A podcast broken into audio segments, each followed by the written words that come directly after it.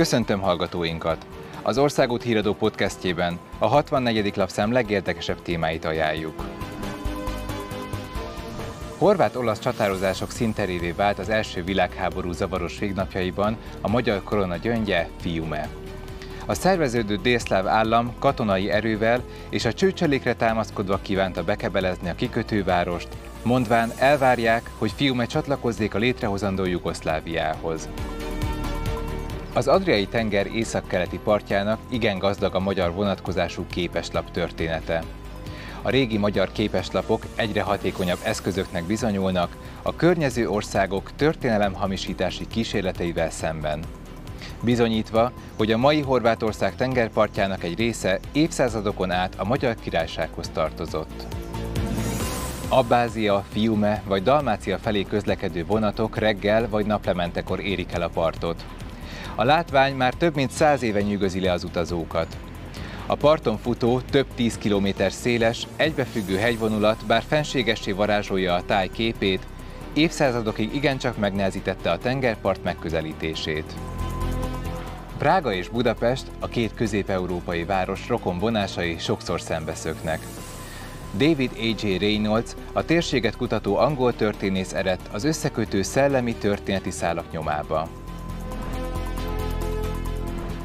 Attila hunnyairól, portyázó magyarokról, hátrafelé nyilazó lovasokról is szólnak a legendák a római birodalom hatalmát idéző itáliai Aquiliában, ahonnan autós út vezet az Aranyszigetre, Grádóba.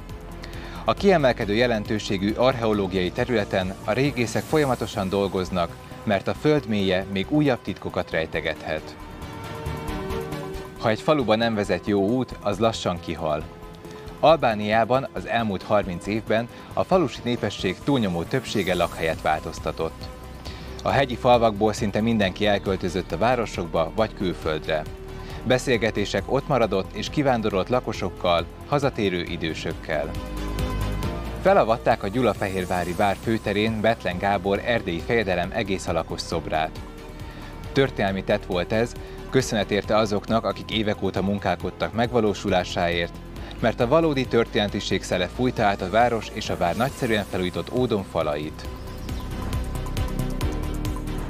Rauser Bálint és Pálinkó Kornél, a Horvát Nemzeti Színház Rijeka Balett együttesének szólistái a Büszkeség és Balítélet július végi előadására készülnek Dubrovnikban.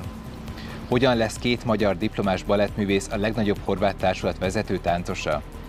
Más-más utat jártak be, de abban egyetértenek, hogy kiváló, sokszínű repertoárral bíró, családias társulatra találtak. Az arc az utolsó, amit megtudunk egy utcai alkotóról. Mégis esélyes, hogy a hazai street art élet egyik legnépszerűbb alakját mindenki ismeri. Void azonnal felismerhető, furcsa, absztrakt fejei, ugyanis a több méteres kapukon, falakon felbukkanó változatoktól kezdve a kis utcatáblákon, oszlopokon meghúzódó matricákig mindenhol megtalálhatók. Ilyen 2000-es évek környékén kezdtem az utcán is rajzolgatni, meg festegetni, meg plakátolni, meg stencilezni, úgyhogy azóta meg folyamatosan csinálom. El is végeztem egy képzővizeti főiskolát Angliában, szóval igen, van róla papírom.